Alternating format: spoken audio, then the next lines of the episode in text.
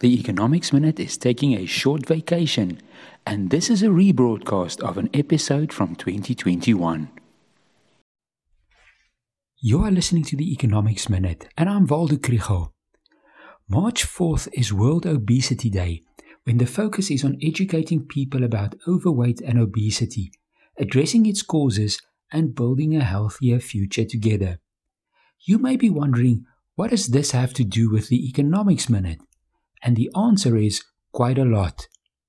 It is estimated that there are 800 million people worldwide who suffer from obesity.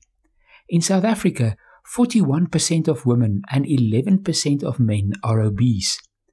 Compared to people with a healthy weight, they have an increased risk of high blood pressure, high cholesterol, type 2 diabetes, heart disease, and stroke. This in turn has a significant impact on the healthcare system in terms of direct costs associated with diagnosis and treatment.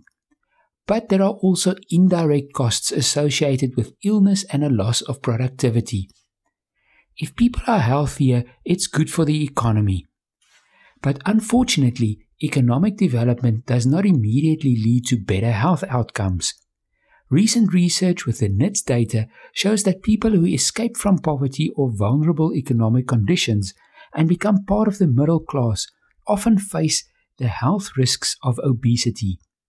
Economic development is closely related to the so called nutrition transition.